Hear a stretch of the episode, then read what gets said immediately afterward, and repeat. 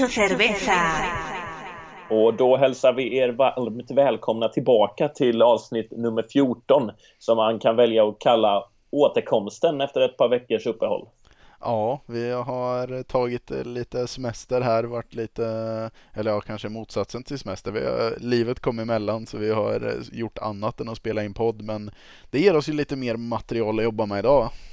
Ja, jag känner att vi har ganska mycket att jobba med och det är högt och lågt. Det är smalt och brett. Det är Sverige, det är utlandet. Vi har mycket att jobba med. Det blir trevligt. Ja men det, det blir det. Eh, och vi eh, ska väl börja avsnittet med att i vanlig ordning bara snacka lite om vad vi har gjort sen sist vi spelade in podd. Nu vet jag inte hur länge sedan. Är det tre, tre veckor sedan måste det vara i alla fall va? Tre veckor sedan. Det är ju faktiskt det längsta uppehållet vi hittills har haft. Ja. Och det har ju fallit sig ganska väl med att det har varit lite lugnare på kanottävlingsfronten. Ja. Men uh, lite mer intensivt i våra vanliga liv. Men, och kanske inte samma behov av en podd för våra lyssnare, även om ni gärna hade velat höra oss ändå. Men det som har hänt i övrigt är att uh, jag har jobbat mycket, haft fullt upp med lite annat som man har ibland liksom. Mm. Uh, hunnit med lite uh, festligheter i vanlig ordning. Uh, både med jobbet och med lite kompisar och, och lite annat eh, vilket alltid är kul. Jag har eh, hunnit dra igång och kolla faktiskt på den nya säsongen av Paradise Hotel. Jag bara slog mig att det hade, det är ju, hade jag bara haft liksom, makten att göra lite vad som helst och haft en budget som var oändlig så hade ju en sån där sak som var otroligt kul att se varit en Paradise Hotel Kanot-Sverige edition. det är bara betala eh, alla intressanta människor och åka dit och så sen filmar vi skiten bara. Och gör bra tv. Ja, klockrent Det blir en YouTube-kanal, Max 2 Cervezas YouTube-kanal. Och sen vinner jag. Ja. det är inte alls uppgjort på tv, bara så alla Nej. vet det redan från ja. början. Ja. Vad ja. har hänt där? Ja, jag har ju inte gjort så mycket egentligen kanske. Eller ja. Den där det... sucken säger allt. Ja, den gör ju det. Nej men det har varit mycket jobb. Jag har ju dragit igång här under hösten med lite plugg vid sidan av jobbet. Så det, ja men vardagen rullar på. Det är jobb och så hem och så är det lite plugg och så är det lite träning och så ja, har man försökt på helgerna och vara lite social med eh, familj och vänner och sen så är det ja, det är lite sånt som händer. Typ. Ja, jag, har du hunnit träna någonting för inför helgens event Aktersnurrorna? Det beror på vad man, hur man ser på saken. Jag har i alla fall rört på fläsket lite men jag har ju inte suttit i en kanot sedan SM så det... jag tänkte du, du pratade någonstans, du, du har ju inte riktigt haft din kanske aktivaste säsong det här året. Nej, jag kom väl fram till det att jag nog har tävlat fler Ja, tävlat fler tävl tävlingar än vad jag har haft träningspass på vattnet nästan. Hur många tävlingar har du kört här? Eller två?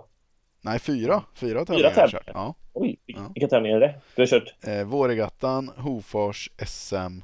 Ja, jag räknar ju aktersnurren med då. Ja, fyra. Ja. Okej. Okay. Så du, du, jag tror att Jesper kan slå någon form av rekord i år då. Du har, du har tränat du har tävlat på fler tävlingar än du har tränat pass. Ja. Och du har spelat in ungefär tre gånger så många kanotpoddar som du har kört pass. Ja. Det ja, men det är en bra merit ändå. Så se om någon kan slå det. Ja. Inte för att det på något sätt är eftersträvansvärt egentligen, men eh, det, kan... det är intressant. Jag kan ju för sig bli eh, klodd av att det kanske dyker upp någon i helgen som inte har suttit i en kanot på hela året.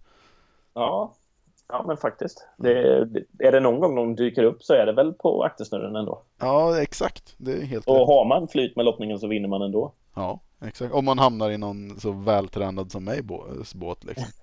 exakt. men aktersnurren kommer vi att ha all anledning att att återkomma till kan man väl lugnt säga. Ja, vi har ju en del godis att bjuda på kring den tävlingen, men vi ska ju vara elaka och hålla på det här till slutet av podden, så vi ska ju gå igenom lite annat innan. Ja, precis. Så jag tycker väl att vi, vi kör på med våran första spännande punkt där. Mm, det gör vi. Och det är ju att vi ska gå igenom Egentligen när vi började podden i våras här så började vi det hela med att prata om eh, tävlingssäsongen som som stod framför oss. Och nu sitter vi ju här ett halvår senare och har en tävlingssäsong som är bakom oss. Så vi tänkte att vi kortfattat om varje tävling som har varit, som har varit är liksom relevant att prata om. Ska nämna vad, utvärdera lite vad, vad som... Hur blev det? hur blev Hade det, vi rätt på förhand? Ja.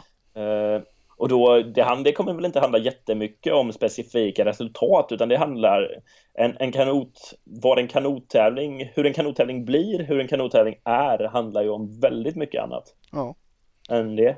det är ju så. Det är mycket Ja, det kan vara yttre omständigheter som väder och så som påverkar intrycket men det är mycket arrangemanget, stämningen på plats och ja, helheten helt enkelt. Ja, vad bra. Men då, då tar vi och eh, börjar redan nere i Baggsvärd. Mm. Vi, vad hade vi för eh, vad hade vi för eh, förväntningar på den tävlingen innan den kördes? Vi var ju inte där kanske man ska Ja, men vi, men vi är inte fega att uttala oss om saker vi inte är insatta i så vi kör på. Vi har järnkoll på det ändå. Vi har haft scouter på plats. Ja. Eh, men vi hade ju en scout på plats som, som du hade med dig, fick med dig ett citat från kring den här tävlingen. Ja, Vad, hur lydde det? Eh, vi- Henrik Strand var ju utsänd. Jag, nu har jag, jag lyckades inte leta reda på citatet i, i skriven form, men det har satt sig, så djupt att jag kommer ihåg det ungefär ändå. Ja. Att här nere är det så kallt så att isbjörnarna fryser ihjäl.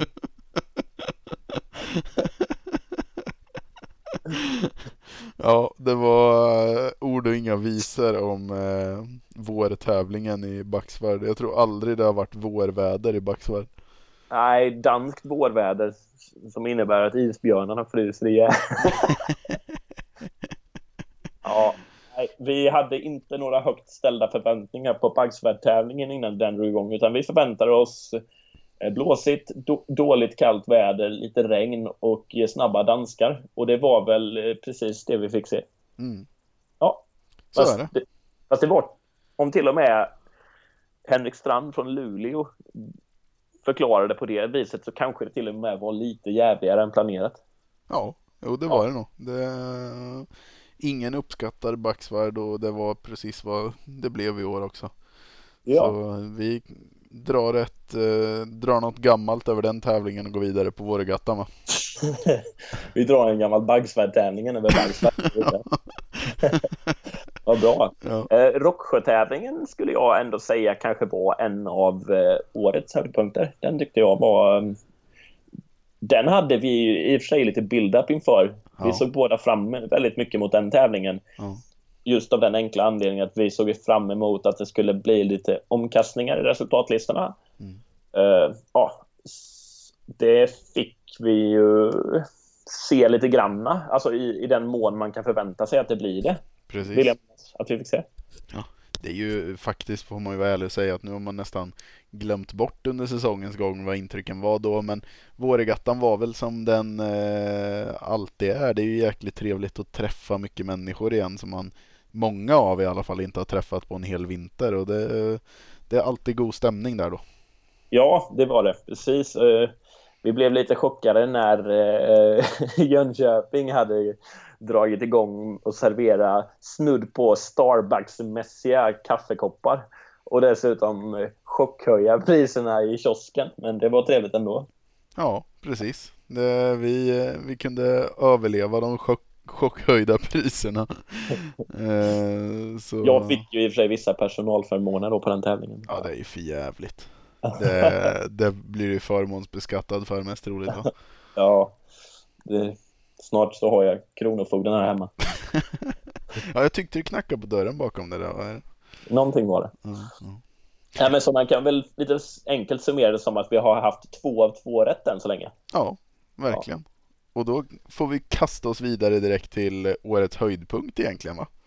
Ja, tävlingsmässigt för vår del. Ja, Ja, vi åkte efter väldigt många så som vi satt och spekulerade om så var det väl att ja, det blir en tävling i Hofors i år igen. ja, Vi är inte glada åt det, men det kommer vara en tävling i Hofors och det har alltid varit en tävling i Hofors.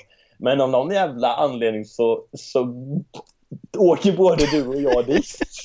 Ja, egentligen vet jag inte hur det hände, men vi eh, släpade oss dit. Det gjorde Ja. vi. Det var många turer innan det bestämdes. Ja, det var det faktiskt. Eh, vi funderade ju fram och tillbaka många, många gånger. Jag, jag vet inte vad det var som avgjorde att man hamnade där egentligen. Nej, jag vet faktiskt inte heller, men det var, kan nog ha haft lite med våra kompisar som gick och blev väldigt taggade där helt plötsligt. Ja, ja exakt. Ja, ja, vi åk, alltså jag i alla fall åkte nog nästan bara av sociala skäl egentligen. Eh, det var Ja. väl inte av tävlingsmässiga skäl. Nej, nej, Men, nej det är klart. Men eh, ska, kan vi inte göra ett så här mm, ja, poängsystem? Nej, men det, blir, det räcker med om vi diskuterar. Ja. Hofors blev i alla fall en supertävling. Ja. Eh, superväder verkligen. Ja. Eh, vi valde ju att bosätta oss på något annat än hotell Bergsmannen och bosätta oss i Falun. Ja. Riktigt bra boende. ja, grymt beslut att vi gjorde det. Ja. Det var det verkligen. Nej, och det le- levererade vad det gällde tidsprogram i Hofors. Det levererade vad det gällde resultatrapportering. Ja, Det enda som strulade, kan inte du ta den punkten för den? Ja. Jag känner att den är så betungande. ja det var ju att vi hade ju, hade vi satt ett betygssystem på täv- tävlingarna från 1 till 10 så hade Hofors legat på en 10 ända till kötiderna till kolbullarna och någonstans där var man ju nere på en 4 kanske. Ja. För det var Nej, ju men det horribelt. där. Ja, det gjorde det. Det var, Det var ingenting som fungerade där. nej, det var det inte. Det var riktigt dåligt får man säga. Eh, Men kan de gå tillbaka till sina roots och göra det de har varit bra på tidigare i Hofors, nämligen att grilla kolbullar, så tror jag att ja, då har de alla möjligheter att bli den bästa arrangören nästa år. Absolut. Det var stort beröm till Hofors och stort beröm till oss som tog beslutet att bo utanför Hofors.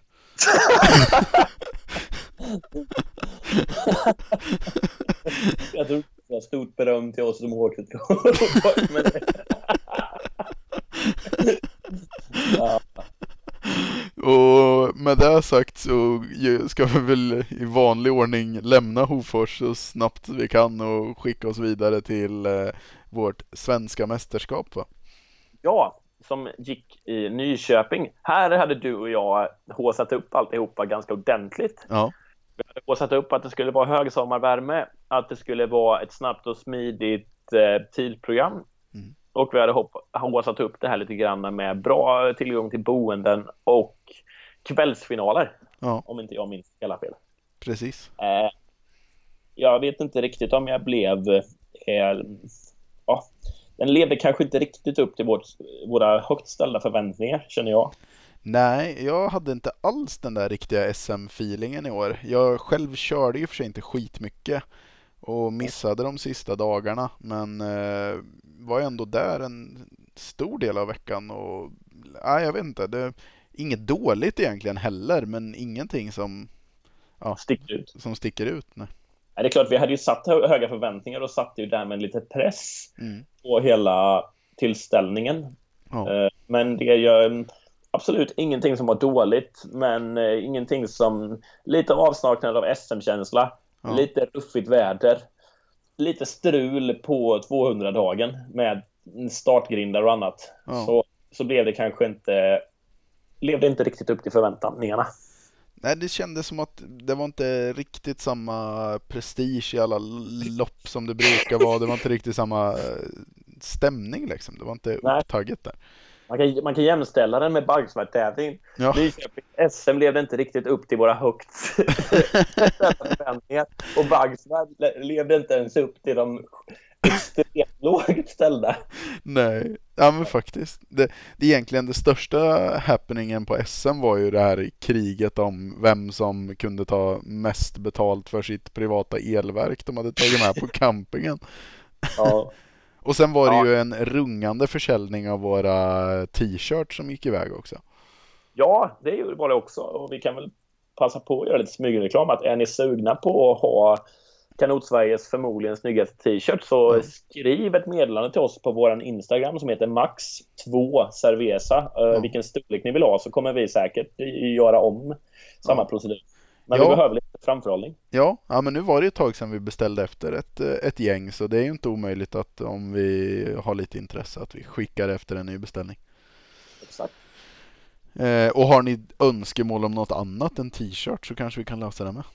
Mankini har ju jag varit lite sugen på. Ja, men den, den eh, har vi leverans på om någon vecka här eller något. Men vi har ju faktiskt haft ett annat plagg. Ja, Ja. Vi har ju en Ja. babybody ja. Babybody. Ja, vi får se vad vi hittar på med. Ja, precis. Eh, gott då, men med det sagt så får kanske vi passar oss vidare från SM. Vi tackar Nyköping för tävlingen i alla fall. Ja, men nu blev det helt plötsligt krångligt att veta vart vi skulle åka. Mm. Mm. Vi, eh, ja, nästa anhalt är väl egentligen eh, VM då. Mm. Eh, av, Eh, av det vi nämnde. Och där kan vi inte riktigt utvärdera arrangemanget, för det, där visste vi inte riktigt vad vi hade förväntat oss. Men det svenska, de svenska resultat, vi har ju ra- pratat väldigt mycket om VM redan. Det har vi gjort tillsammans Ja. med Linnea i förra avsnittet. Men Ja. vi kan väl säga att den var ungefär, de svenska resultaten var ungefär i paritet med vad vi hade förväntat oss. Och sen vad det gäller arrangemanget kan vi ändå kommentera att det är ju en stor jävla vinstlott att servera öl på kanottävlingar och det är något som svenska tävlingar borde ta efter. Du får gärna beta- ta betalt 13 kronor för det också. Ja, exakt. För det gjorde, det gjorde de på VM och det är VM vi ska gå efter. Ja. Eh, Men det är ju en stämningshöjare av rang. Det är Ja. ju, eh, vi, vi kan ju ändå kommentera arrangemanget tycker jag kring att det var grymt arrangemang. Det var kul att vara Ja, på plats. vi mådde bra där. Vi Ja. mådde Det var det. enkelt. Men det är nog ingen som har missat. Så vi, ja, vi är, det är snabba puckar här. Men jag tror inte vi behöver vara så lång, långrandiga kring den här punkten. Utan vi, nu ska vi vidare på, det är höstregata redan va? Det är höstretan och här hade vi ju Ja, vi var inte positivt inställda till det här beslutet att lägga en Ja men höstretan, det, det brukar vara en tävling som som längtar hem lite grann. Det Mm. brukar inte vara motivation på topp och nu skulle man lägga den dels på en lite okänd ort Mm. fast och en okänd ort som inte hade så mycket positivt i bagaget, nämligen nere i Örkelljunga. Ja.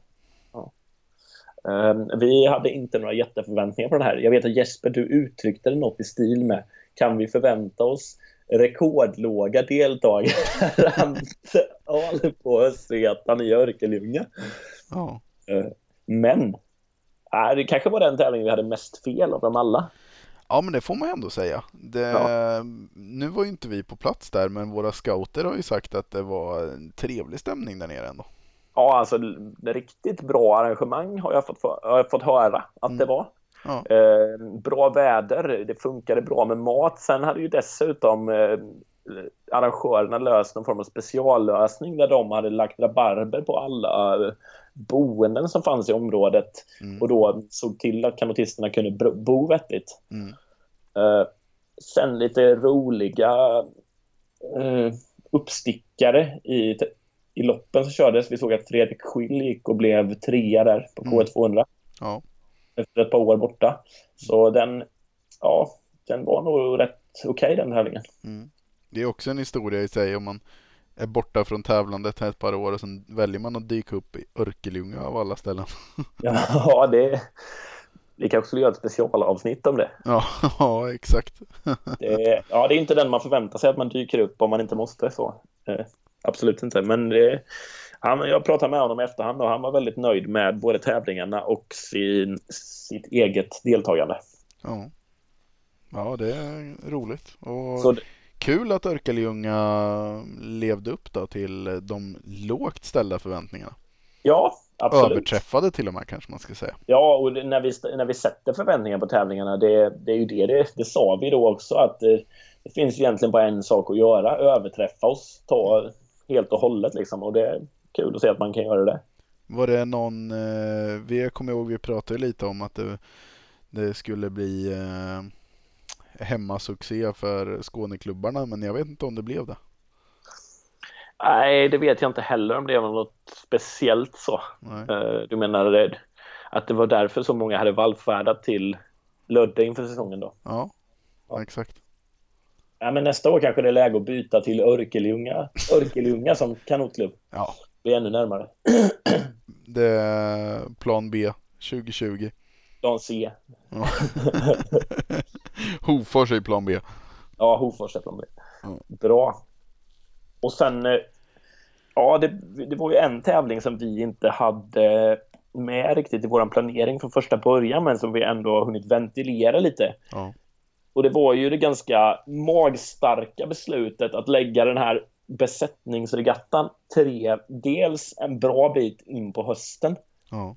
och dels tre veckor efter höstregattan. Alltså att en, en tävling som egentligen bara skulle agera säsongsförlängare. Utan Mm. egentligen bara skulle se till att folk var tvungna att paddla med paddelvästar och paddelhandskar ett par veckor innan de fick ta vila. ja, precis. Och- Så man kan väl lite förenklat uttrycka det som att vi hade väldigt låga förväntningar på den tävlingen. Ja men verkligen och tyvärr så har ju besättningsregattan ett ganska trevligt koncept men de senaste åren har det ju varit väldigt urvattnat.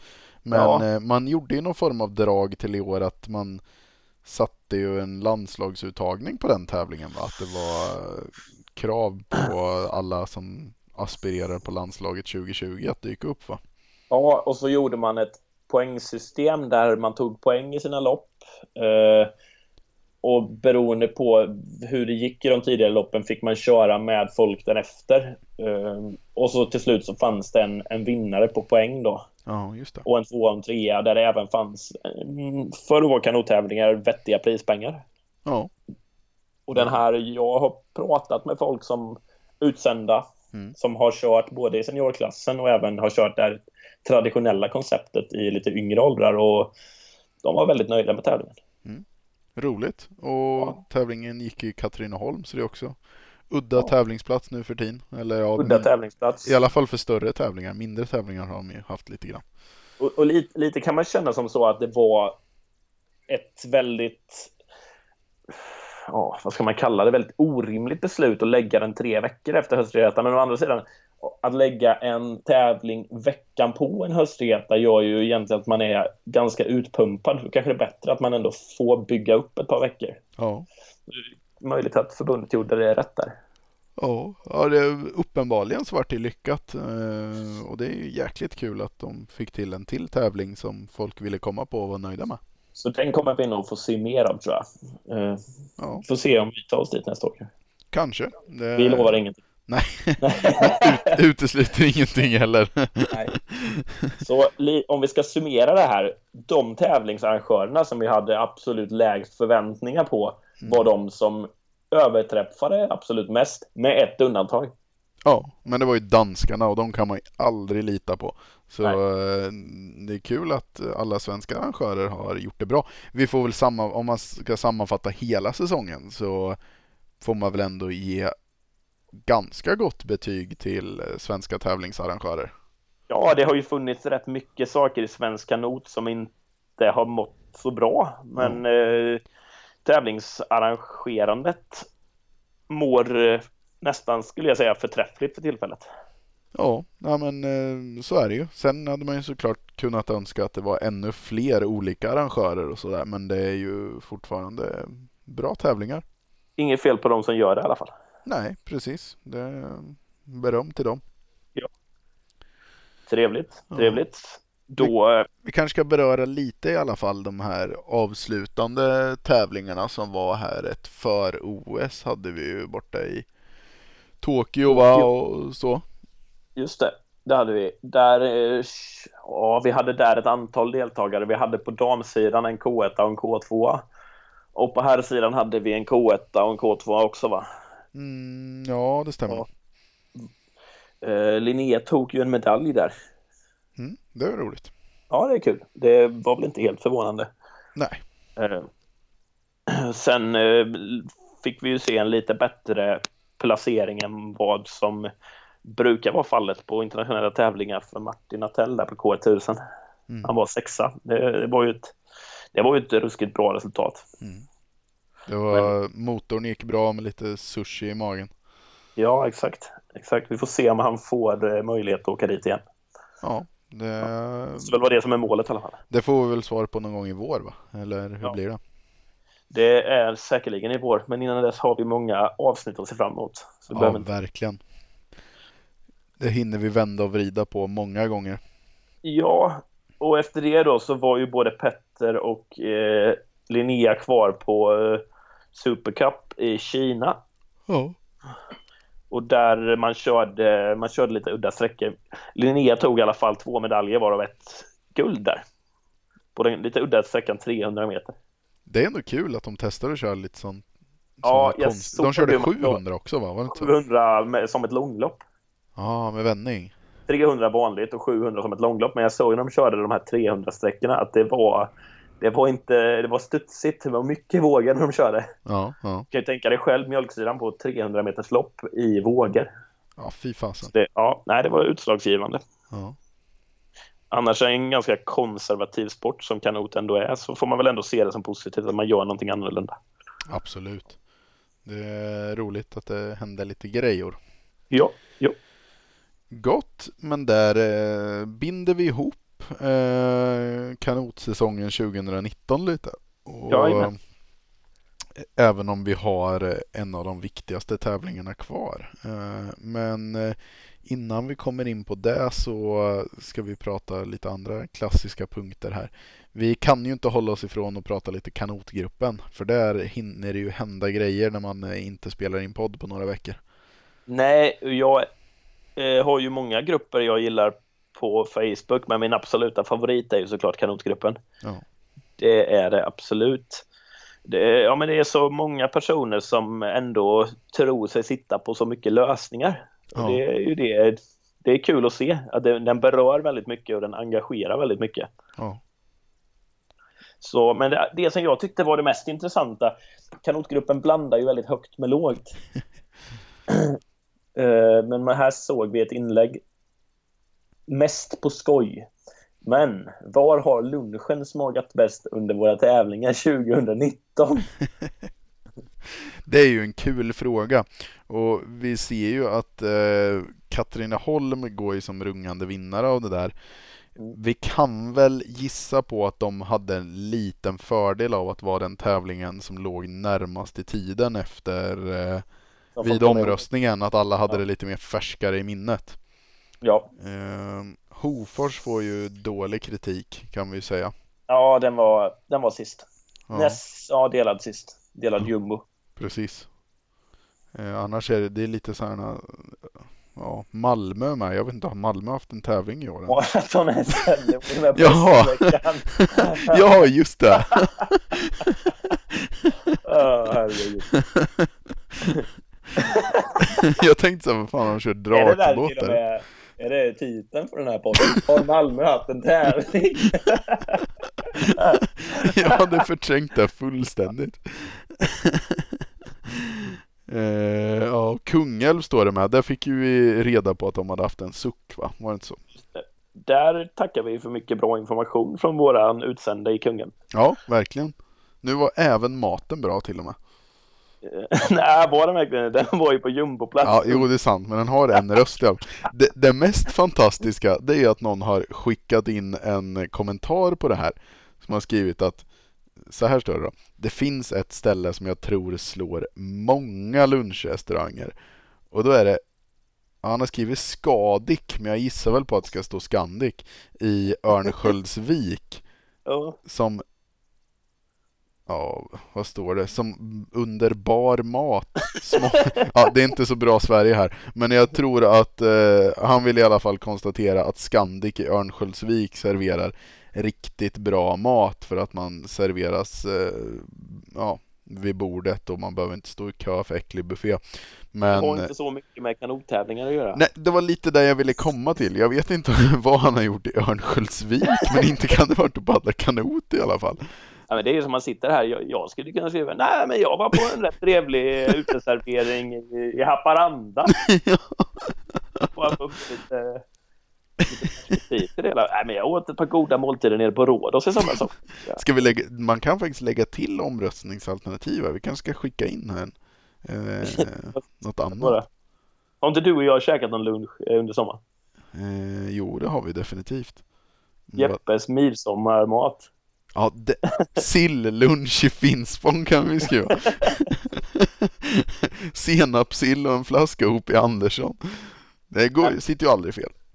Nej, vi gillar yttrandefriheten i kanotgruppen men ställer oss frågande till om inte det där var lite off topic. Ja, lite grann, det var det. Eh, Ja. Så. Men eh, annars så faktiskt var lite mindre godis än vad det brukar vara här. Vi som vanligt har vi väl skrämt bort folk från att skriva. Men eh, eh, ja, vi har eh, någon liten parentes här om att slalom har fått en OS-plats. Ja. Jag vet inte hur vi känner för det. Kanske inget alls. Nej. Det... Mer än ett konstaterande. Ja. Men ja, vi får...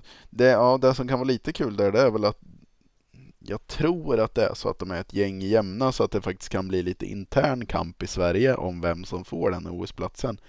Och det är ju precis vad kanotslalom behöver. Det är ju lite intern fejd dem emellan. Men det finns ju inte någonting av det i det. Nej, nej, nej men det är ju bara guld och gröna skogar i svensk kanotslalom. Det är liksom det är trevlig stämning, det är en bred sport med mycket, mycket aktiva och... Enkelt utöva.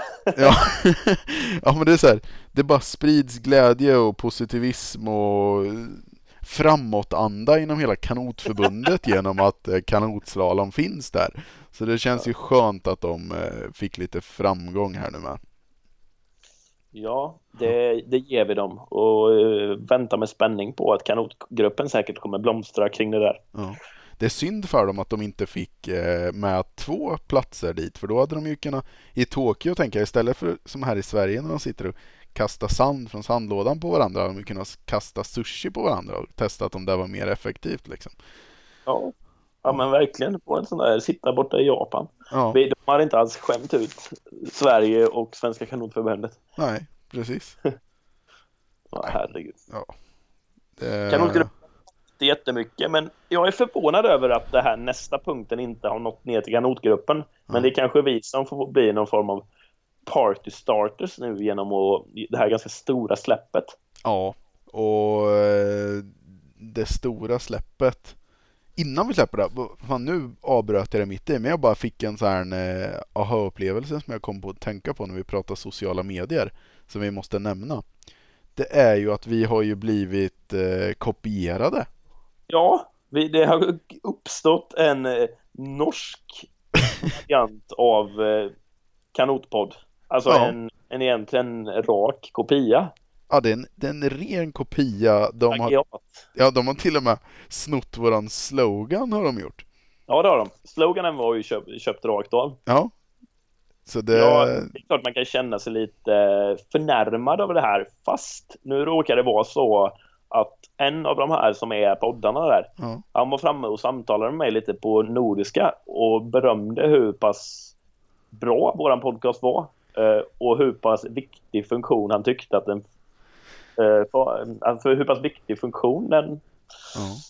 hade för paddlingen i Sverige. Och det, det han menade på då var ju att just det att många av dem som eh, sitter på ledande befattningar i både det svenska och det norska kanotförbundet vet alldeles för lite om hur det är att tävla.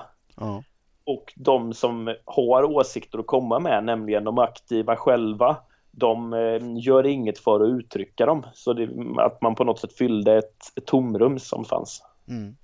Och nej, ja. ja. Nej, jag tänkte bara säga, det, det låter väl som vettiga åsikter och det är ju nu kan vi skoja om lite att de har kopierat oss men i grund och botten är det ju faktiskt jätteroligt att eh, det vi har gjort har inspirerat någon att eh, spinna vidare på sådana här grejer. Det är ju ja, skitkul. Ja. Jag tycker det är superkul. Sen hade de ju kunnat ha drivet och hitta på en egen slogan kanske. Men, ja, men det säger ju lite, bra, lite om hur bra våran är.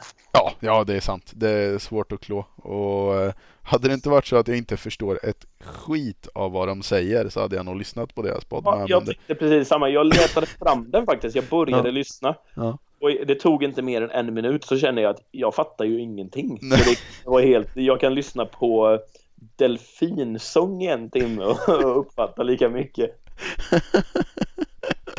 ja, men... Och det är eh, det som gör det lite extra klurigt att vi förstår inte dem, men de förstår ju fan oss bättre än vad de förstår andra norrmän. Ja, oh, det stämmer ju. För de har ju suttit och lyssnat på våran podd då. Ja.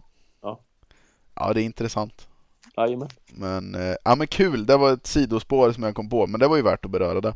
Men vi kan väl ändå ge en liten shoutout till podcasten Stöttetak. Vad, be vad betyder stöttetak? stöttetak då? Jag tror det är att, att du tar ett, ett paddeltag bara för att hålla balansen. Ett stöttepaddeltag. Jaha, okej. Okay. Ja, mm. yes. Ja. Eh, ska jag gå in och kolla på deras eh, eh, sociala medier här direkt. Ja, nej, men de, eh, ja, de går nog bra. Jajamän. Grymt. Eh, kul det. Eh, men då ska vi ju tillbaks på det här där vi höll på att börja prata om och det var ju en, eh, en liten bomb som har slagit ner som har nått oss i alla fall och vi vet inte riktigt hur många andra den har nått. Men eh, vi, vi lossar den nu. Stoppa pressarna säger jag. Ja. Skopet. Nu är det dags. Vi har ju tidigare snackat lite om olika platser där man har tävlingar. Mm. Och en av dem som har tävlingar en gång var tredje år som det har blivit är ju Luleå som har varit förpassade till att köra SM en gång var tredje år. Ja. Senaste gången var ju 2018 och eftersom att antalet vettiga arrangörer har urvattnats mer och mer eh, för varje säsong som har gått så blev man nu tvungna att ta till nödlösningen att Luleå fick ta det redan 2020. Ja. Och det här var ju, det var ju såklart en, ett, ja, nej men alltså det, det berörde ju kanot-Sverige på väldigt många sätt. Ja, det gjorde det. Eftersom att det innebär så pass, ja, ändå långa resor. Ja, det är sån det, jäkla vedervärdig sopparäkning. Ja, exakt. Och det innebär, det är inte bara det, det innebär ju att det tar mycket längre tid att ta sig dit minskar ju möjligheterna att köra delar av SM ganska mycket också. Ja. Så det, det, var ju, det var nog egentligen bara en nödlösning på grund av att man inte hade någon annan arrangör att tillgå. Ja, det stämmer nog. Men vi var i alla fall inställda på att Kanot-Sverige skulle åka till Luleå under 2020. Ja. Innan det här stora bombnedslaget slog ner. Ja. Det är att, att eh, norrlänningarna har satt sin sista potatis helt enkelt. Ja, de har slängt in handduken. Ja. Och lika fort som de kastar in handduken så lyckades förbundet ju slänga upp ett nytt, en ny SM-arrangör på bordet. Ja. Backsvärd. Uh, nej, exakt. nej, men hade, hade någon sagt, ja, nej, men vi kan väl säga det, det SM kommer under 2020 gå i Örkelljunga. Ja. Det är, känns... Hade jag suttit och sagt till dig i februari i år att när mm. vi skulle planera vår första podd att SM kommer gå i Örkelljunga 2020 så tror jag att du hade satt kaffet fullständigt i vrångstrupen. Ja, det kan man lugnt säga. Det hade varit ett så otroligt magstarkt beslut att ta. Ja. Ja, men helt plötsligt så känns det som en ganska bra lösning ja. med en höstregatta på plats. Ja, alltså uppenbarligen så lyckades de ju arrangera det och, och uppenbarligen så vill de arrangera ett SM och då är det väl bara köra på så får vi se vad som händer. Ja, exakt, exakt. Och de har ju ändå gjort eh, bra reklam för sig nu på den här tävlingen de arrangerade i år. Mm. Uh, det är klart att det blir ju faktiskt, jag bor ju i södra Sverige så jag tycker ju inte att det är så långt ner dit. Nej. Bor man någonstans mer i centrala ort, Stockholm till, då blir det en bit ner till Örkelljunga gör det. Mm. Men möjligheten att köra det, oh, jag tror att folk ser det som eh, ändå betydligt mer tillgängligt än vad man gör med Hofors. Ja, men jag vet inte. Ja, jo men så är det ju. Sen, samtidigt ska jag ändå säga så att det är väl nackdelen som ändå finns med Örkelljunga är väl framförallt boendet och har väl alltid varit. Ja. Det är jäkligt långt att komma till något bra boende. Om, är det, ju. det finns ju några styckna som ligger hyfsat nära men det, är det många som ska dit samtidigt på ett SM så kanske det kan stötas på lite problem. Ja, där känner man ju en, en viss osäkerhet för det, det är ju krävande att, att först behöva åka långt till ett SM och sen behöva sitta och pendla dagligen. Ja, exakt. Men, eh, men det får vi leva med. Ja. Eh, det här fallet. Så spännande ändå att Luleå kastar in handduken. Ja, och spännande att den så pass Ja, Örkelljunga har ju haft stora problem innan det, i och med sina grunda banor och ja, och så vidare. Oh. Att man nu, det har ju gått väldigt fort där från att ha varit en total död tävlingsplats med grunda banor så, så skulle den väckas från de döda lagom till den här säsongen. Och att bara på en säsong ta klivet till att bli en SM-arrangör, det får man ändå säga har gått väldigt fort där. Tror du de har tagit sig vatten över huvudet? Ja, det är det som är frågan. Det återstår att se. Ja, det gör det Men- verkligen. Ja, men jag ställer mig ändå, ändå lite positivt inställd till det. Det finns någon form av framåtanda i den arrangören. Mm. Ja, det är vilket man ibland kan sakna lite. Vi backar Örkelljunga för en gångs skull. Vi backar en, en ryggdunkning till Örkelljunga.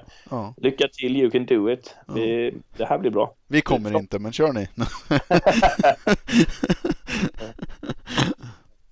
Nej, men man tänker bara, eh, nu kanske jag tänker helt, men de här som är jag vet inte, vi kanske lägger för stor tankeverksamhet på de här lite halvavdankade, men jag tycker ändå att de fyller en rätt viktig funktion.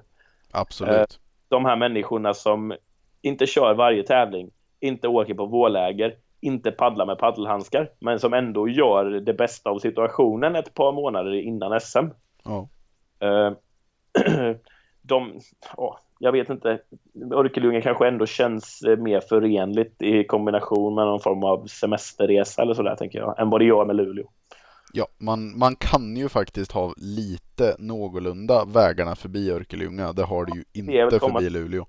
Nej, exakt. Men, ja, men jag håller med dig. De, som du säger, de här halvavdankade är ju på sätt och vis de som gör sporten. Eh, och det... Nej, Det, det skulle också kunna vara ett namn. Det är de Ja. här halvavdankade som gör sporten. Ja. ja, vi kommer ha, vi kommer behöva dela upp det här i fyra poddar för att eh, få ett, använda alla fantastiska namn Vi får kom köra en sån här omröstning nu igen om vilken... Ja, frågan är om vi hinner där. Vi måste pumpa ut det här avsnittet fort som satan här. För Ja. vi kanske redan nu ska eh, sippa över på det en punkt vi har här som är Ja, lite viktig information. media i hela kanot-Sverige så sitter vi på information som ingen annan sitter på. Ja, jag tror att om hade många vetat om att vi satt på den här informationen som de inte gör så hade vi varit nerringda under hela eftermiddagen av folk som ville ha den. Ja, men vi kan väl, det finns ingen anledning att dra på det här, men Max 2 Cerveza kan som enda media stolt presentera de färdiga startlistorna inför helgens Aktesnurren. Ja, och vi drar väl igång det hela med att snacka upp tävlingen lite. Det är ju Ja, sjukt exakt. kul att det är dags. Ja, jösses vad roligt det blir. Det har gått väldigt, väldigt fort fram till Aktesnurren. Mm. Jag vet att många gånger så, så har jag Alltså, de, de, alltså varenda gång det har varit Aktesnurren så har jag ju verkligen gått och längtat efter det här hela sensommaren. I Absolut. år har det gått superfort fram och nu är vi nästan där. Ja, Ehm, ja, det, och det säger väl lite om hur kul det brukar vara. ja, ja. Det, det här är på riktigt, alltså utan överdrift, en av eh, helgerna som är roligast på hela året. Det är det Det verkligen. är det. Så, så mäktigt är det. Så, och helgen börjar ju förvisso på fredagen men själva aktesnurren afton är ju lördagen och den inleds ju alltid med ett lopp där. Ja, här K4-loppet som ja, eh, körs på ett lite udda sätt i och med att det är lottade besättningar av vitt, med kanotister av vitt skilda karaktär. ja. Det är blandat i, man skulle väl kunna kalla det för fyra sidningsgrupper. Det är ju aldrig att det där stämmer exakt att det är Nej, för det måste ju hamna lika många i varje, men grovt hugget så är det ändå så. Ja, precis. Eh, Att man försöker hålla det så. Så det, det gör ju att det oftast blir jämna och täta lopp. Det brukar ju kunna vara någon båt som sticker ut och överträffar allas förväntningar och därför också kanske blir vinnare. Men eh, det, det känns som att när vi har ögnat igenom startlistorna så kommer det nog bli ett riktigt tätt lopp i år tror vi.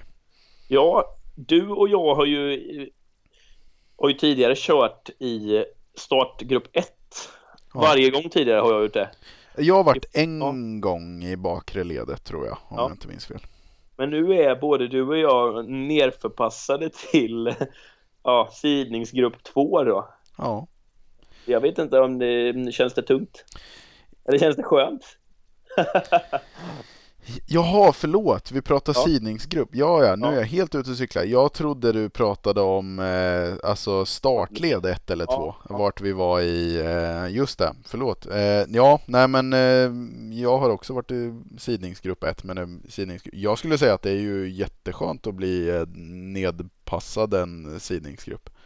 Ja, är man i sidningsgrupp 2 så betyder det att du garanterat har en i din båt som är riktigt bra. Ja, eller åtminstone som anses vara bättre än dig och då kan Ja. man ju få bort pressen på sig själv lite så det känns ju skönt. Ja. ja, det där är lite kul för hur, hur mycket det än kan ses som lite av en, en eh, ja, men en lite lättsammare plojtävling med utklädnad och grejer. De som har hamnat i eh, på förhand starka båtar går ju alltid och känner en rätt ordentlig press under hela fredagen och halva lördagen. Att Ja, jag har lite att leva upp till nu. ja.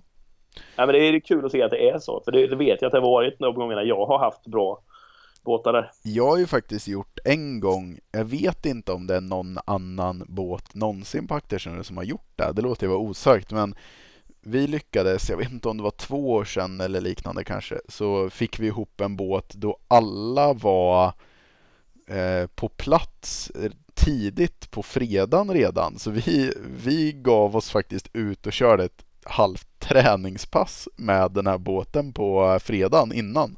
Ja, det är ju helt otroligt. Ja, det, det är helt galet. Och det är klart, det, det var väl kanske inte helt menat att vi gjorde det som att vi ville prestera på topp dagen efter, utan mer en kul grej när vi hade möjligheten.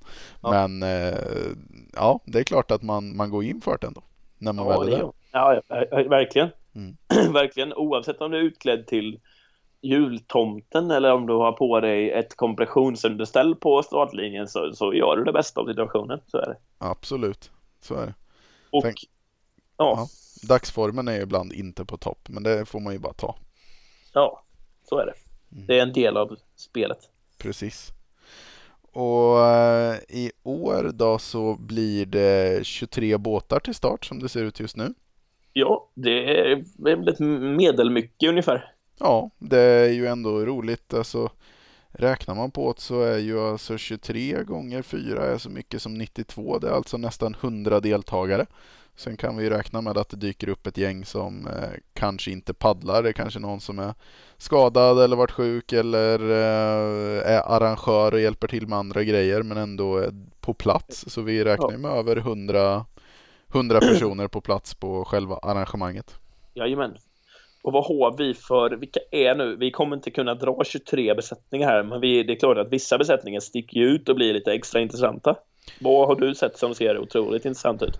Så är det ju. Eh, vi tänkte att vi pratar eh, som du säger här om de båtarna vi tror sticker ut. Jag har sett ett gäng båtar.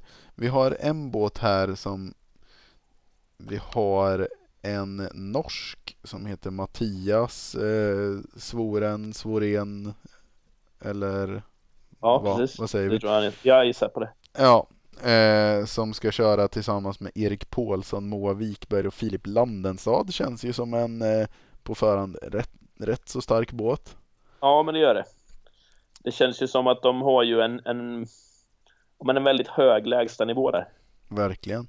Med Eh, höga och toppar också. det får väl också sägas att det är ju en av nycklarna i den här tävlingen. Det är att ha en förbannat hög lägstanivå. Det ju, har ju visat sig vara det vinnande konceptet att, att vara fyra jämna duktiga besättningspaddlare är värt mer än att Ja men liksom har man en skitduktig men har en som nästan aldrig har paddlat förut då får man ju inte det, det ihop går ett. inte. Nej. Nej, det går verkligen inte. Jag sätter varningens finger för eh, båt nummer fyra med Theodor Orban, Jimmy Seger, Ida Karlsson och Anton Wörer. Känns också som en bra båt. Ja, det håller jag helt klart med om.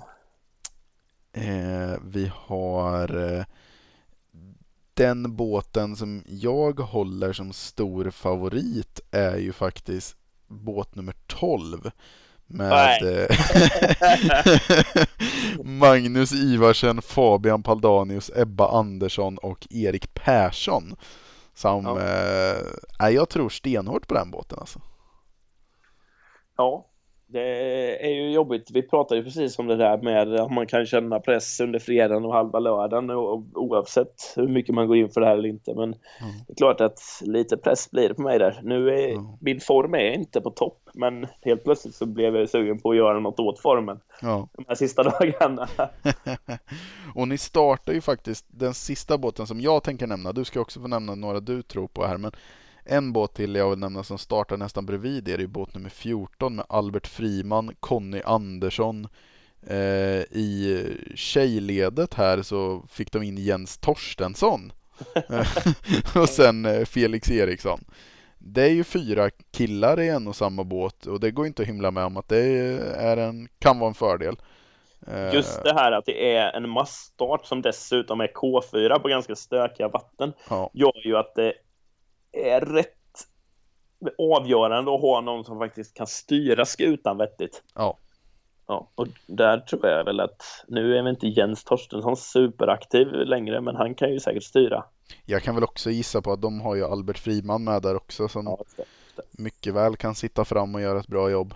Uh, men uh, Ja, äh, jag sätter en äh, favorittippning på båt nummer 12 med äh, Fabian Paldanius som lok. Japp, japp. Mm. Vad tror du då? Ja, alltså vi, vi har ju haft, nu har ju vi blivit förpassade från det här första ledet till andra ledet.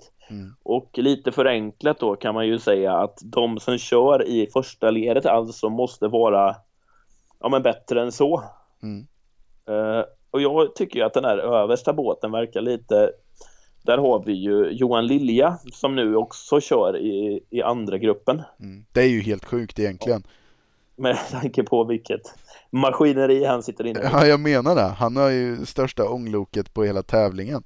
Ja, Johan Lilja, Greta Hellblad, Birger Svedman och i, som deras alltså förstegruppssidare så är det en människa som heter Einar Dahlberg. Ja. Som varken du eller jag vet vem det är.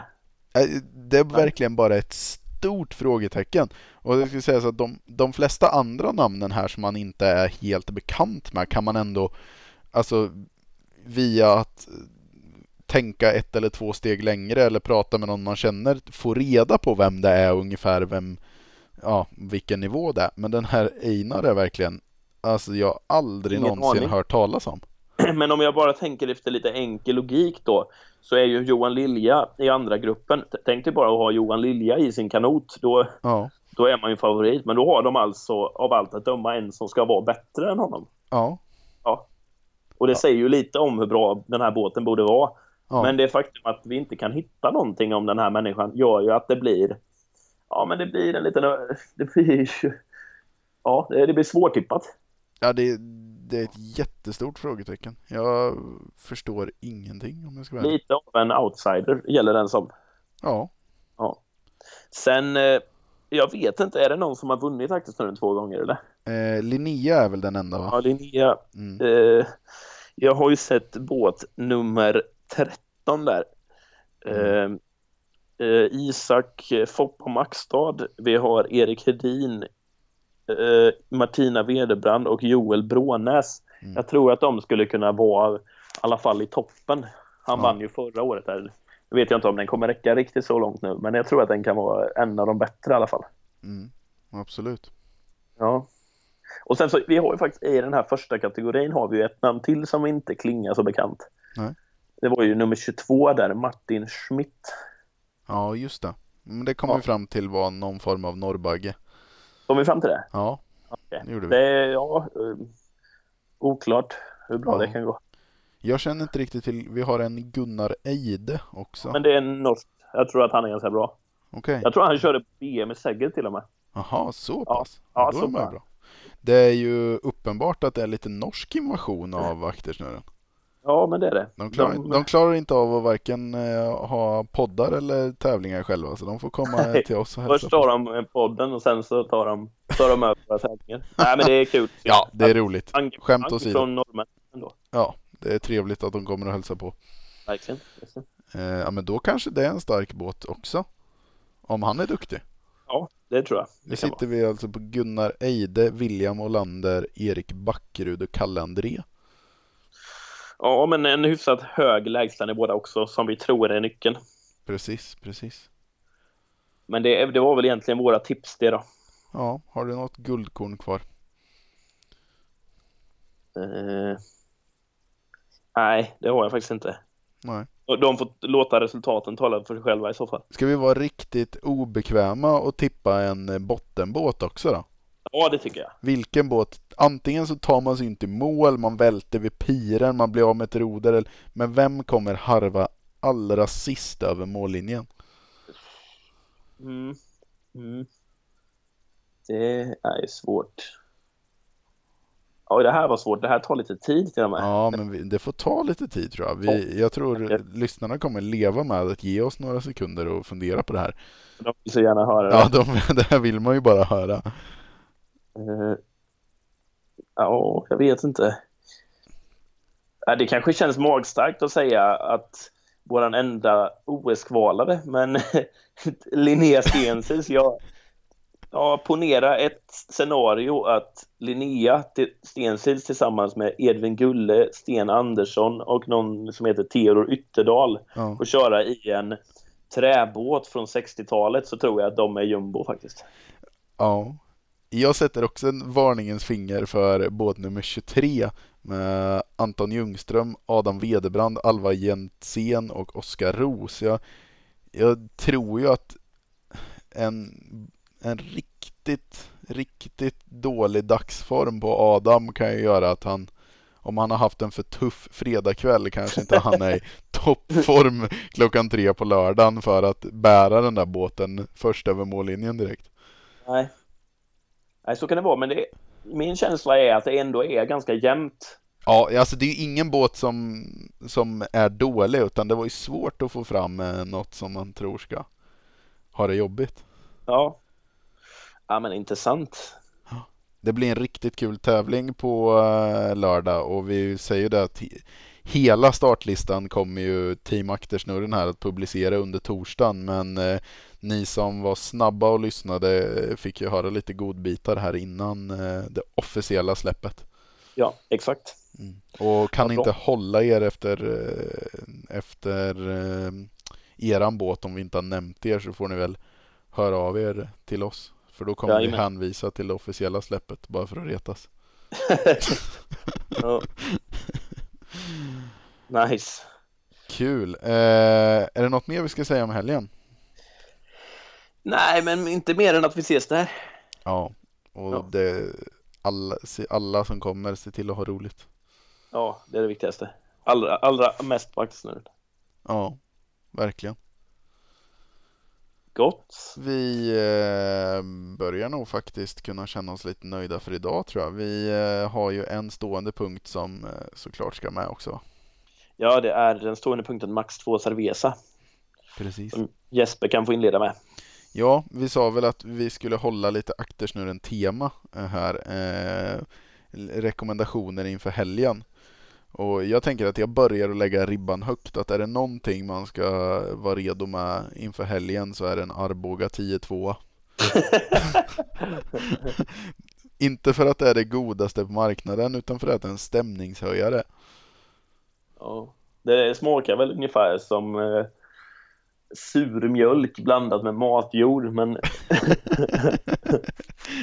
Det kan också vara en titel på avsnittet. sur mjölk blandad med matjord. Jajamän. Men du menar att den gör jobbet? Ja men det gör den. Ja. Det, som sagt, det är en stämningshöjare. Ja, exakt. Vad, vad kommer du gå hårt på i helgen då? Jag kommer eh, nog, eh, ja alltså det som man får testa på aktersnurren är ju de här eh, egenbrandade flaskorna som har aktersnurren-etiketten. Det tycker jag är kul. Ja. Det vet vi ju inte vad det är. Nej. Men eh, för egen del kommer jag nog, vi har varit inne på det förr men jag har aldrig rekommenderat den. Och då är det ju en Guldkällan. Den här vita burken, den tycker jag är fantastiskt god. Superljusa lagen till en billig penning. Ja. Ja. Ja, det är ett guldkort. Ja. Guldkort, Guldkällan. Det var en slogan av rang. Den kommer de sno av oss. Ta Ja. patent. Exakt. Men Bra. grymt då. Eh, Då, eh, då säger vi så. Until next time. Ja men det gör vi. Vi, Vi syns på fredag och resterande eh, hörs vi ju givetvis via nätet och sådär. Ja. Var inte fega och komma med lite input vad ni vill höra och vad ni inte vill höra och sådär. Exakt. Det hjälper oss jättemycket. Det är grymt och framförallt nu när eh, tävlingssäsongen tar slut. Vi vill ju fortsätta göra bra avsnitt och då gäller det att vi har saker att snacka om. Ja, exakt. Så skriv till oss och skriv i kanotgruppen. Ja. That's it. Och nästa avsnitt kanske vi försöker klämma in en gäst igen va? Ja, det hoppas vi på. Så då eh, får ni se till att lyssna. Vad bra. Tack. Gott, tack. Vi ses i helgen. Hej då. Hej då.